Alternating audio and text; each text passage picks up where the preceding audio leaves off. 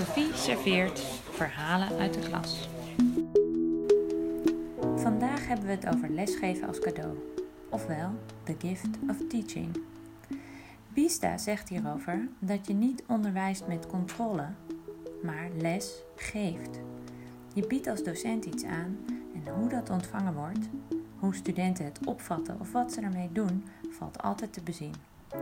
De twee marketingdocenten die we horen zijn allebei toevallig heel eensgezind over cadeaus geven in de klas en het omarmen van het onverwachte. Mijn naam is Ernst Ariaan van der Giezen. Ik geef nu zo'n vier jaar les op International Business. En als je zegt, wat is de gift of teaching? Ik ben onder andere marketingdocent en wat ik daar doe, ik vergelijk marketing eigenlijk continu met het geven van een, van een cadeau aan de klant. En ik denk dat dat het kernconcept is van alles wat we doen hier op, op school. Dus ook als je finance bijvoorbeeld geeft, welk cadeau geef je? Uh, als je in een business environment zit, dan zijn we met elkaar bezig om een cadeau te fabriceren, om waarde toe te voegen en dat geef je.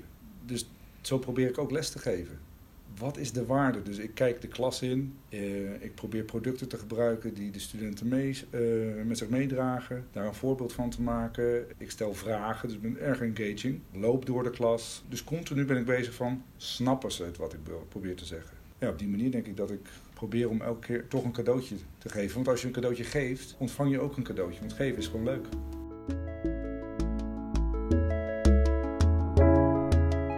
Ik heet Eelco Zel. Mijn voornaamste bezigheid is het lesgeven in marketing. De manier waarop ik nu af en toe cadeautjes probeer in de klas te brengen, is echt door de actualiteit. Dus heel erg bovenop het nieuws te zitten. Wat doen de grote namen in marketing? Wat uh, houdt ze bezig? Wat, wat is de komende strategie die uh, geïmplementeerd gaat worden? Dat soort dingen. Nou, afgelopen week uh, las ik toevallig een artikel over een merk van Unilever. En stond niet bij welk merk. Maar die hadden geadverteerd op de website YouPorn.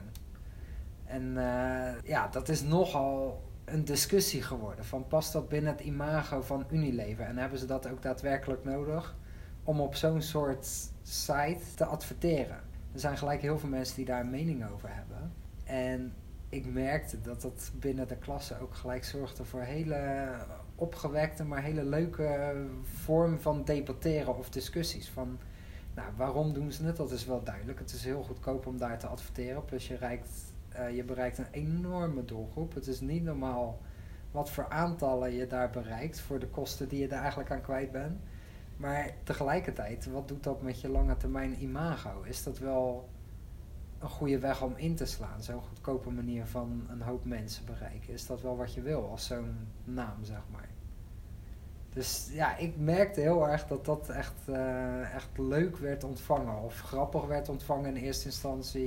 Een aantal studenten begonnen te lachen. En mijn eerste vraag was van, nou, wie kent deze website? En dan heb je ze natuurlijk al. En ik vind het heel belangrijk om af en toe ook les te geven met een enorme glimhoog, uh, met enorme glimlach, maar soms ook met een enorme knipoog erbij. En dat was hier zeker een goed voorbeeld van. Ja.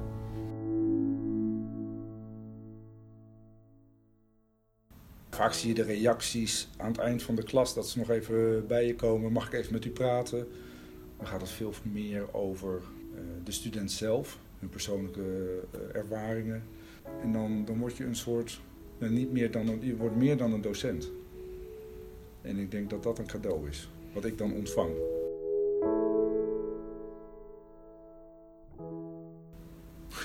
ik snap dat je graag controle wil hebben, maar die controle moet je loslaten volgens mij in het proces, omdat je niet weet hoe alles gaat.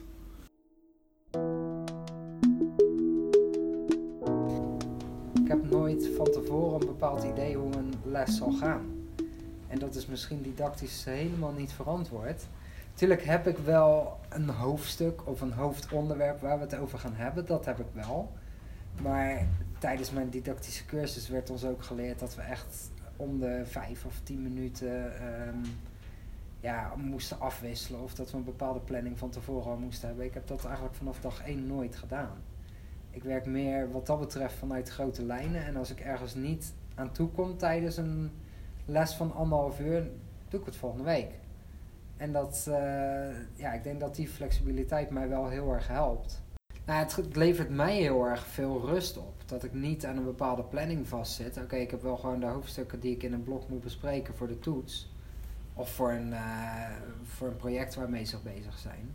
Maar dat ik binnen die weken wel wat flexibiliteit heb, dat geeft mij altijd wel enorm veel rust. En als er dan zo'n moment komt dat er nog een aantal weken later wat vragen komen over het tentamen. En ik heb het gevoel van oké, dat zijn er wel eh, een aantal die ik wat verder kan helpen door daar wat tijd aan te spenderen. Dan kan ik zeggen van oké, dat, dat doen we nu even. En, soms dan ehm, ja, voel ik me ook een beetje uh, host of zo. Of een soort uh, showpresentator. Dan ben ik wel de, misschien de, de leider of de begeleider, als ik het zo mag omschrijven.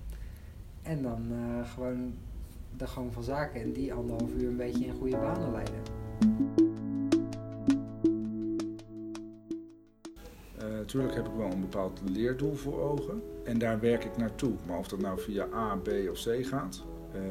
En als ik A, B of C heb geprobeerd, maar ik krijg een andere klas voor me, dan kan het wel eens helemaal anders gaan. En soms denk je wel eens, als je drie dezelfde klas hebt nou, naar de tweede, dit ging echt goed. En dan probeer je dat in de derde klas en het gaat falikant de andere kant op. Nou, dit, dit ging in, uh, over Turkije, over uh, Erdogan. En dan zie je hoe studenten, Turkse afkomst, Erdogan helemaal ophemelde. En de andere groep in de klas echt met vraagtekens naar ze keek. Dus je kreeg echt een, een, een twee groepen in de klas. Terwijl het in de les ging over uh, paradigma's. En dan moet je uitkijken. Het was, ik vond het wel een hele mooie, mooie, mooi cadeau wat je terugkreeg. In ieder geval naar mij toe van, joh, maar hier wilde ik niet naartoe. Maar het ging een andere kant op. Uh, wat heel uh, leerzaam denk ik is. Want we hoeven niet alleen maar het vak te leren. We mogen ook gewoon wat meer levenswijsheid. Je wordt opeens geconfronteerd als docent met een, met een situatie dat je... Oké, die hoek had ik van tevoren niet bedacht. Maar ik ga hem wel inzetten. Ik ga hem wel gebruiken. Ik heb nog een ander voorbeeld. Vluchtelingen bij ons in de klas. En ik had wat beeldmateriaal gebruikt. Niet bedacht dat dat best wel een impact zou kunnen zijn. Het ging over een oorlogstafereel. en die studenten liep weg. Dat gebeurde me ook in een andere klas. Ik denk, wat is dat dan? Totdat ik me realiseerde, de afkomst van de student en het beeldmateriaal. Dus daar ben ik er ook naartoe gegaan en zeg, sorry, helemaal niet over nagedacht. Uh, dat dit zo'n uh, verse impact zou hebben. Dus dat is ook een cadeautje wat ik dan teruggeef als je het hebt over leren. Uh, want het leren gaat natuurlijk niet één kant op. En als je uh, persoonlijke identiteit onderwijst, dan word je continu geconfronteerd met die vragen die je aan de studenten geeft. Maar je stelt ze continu ook aan jezelf. Ja, dat is mooi.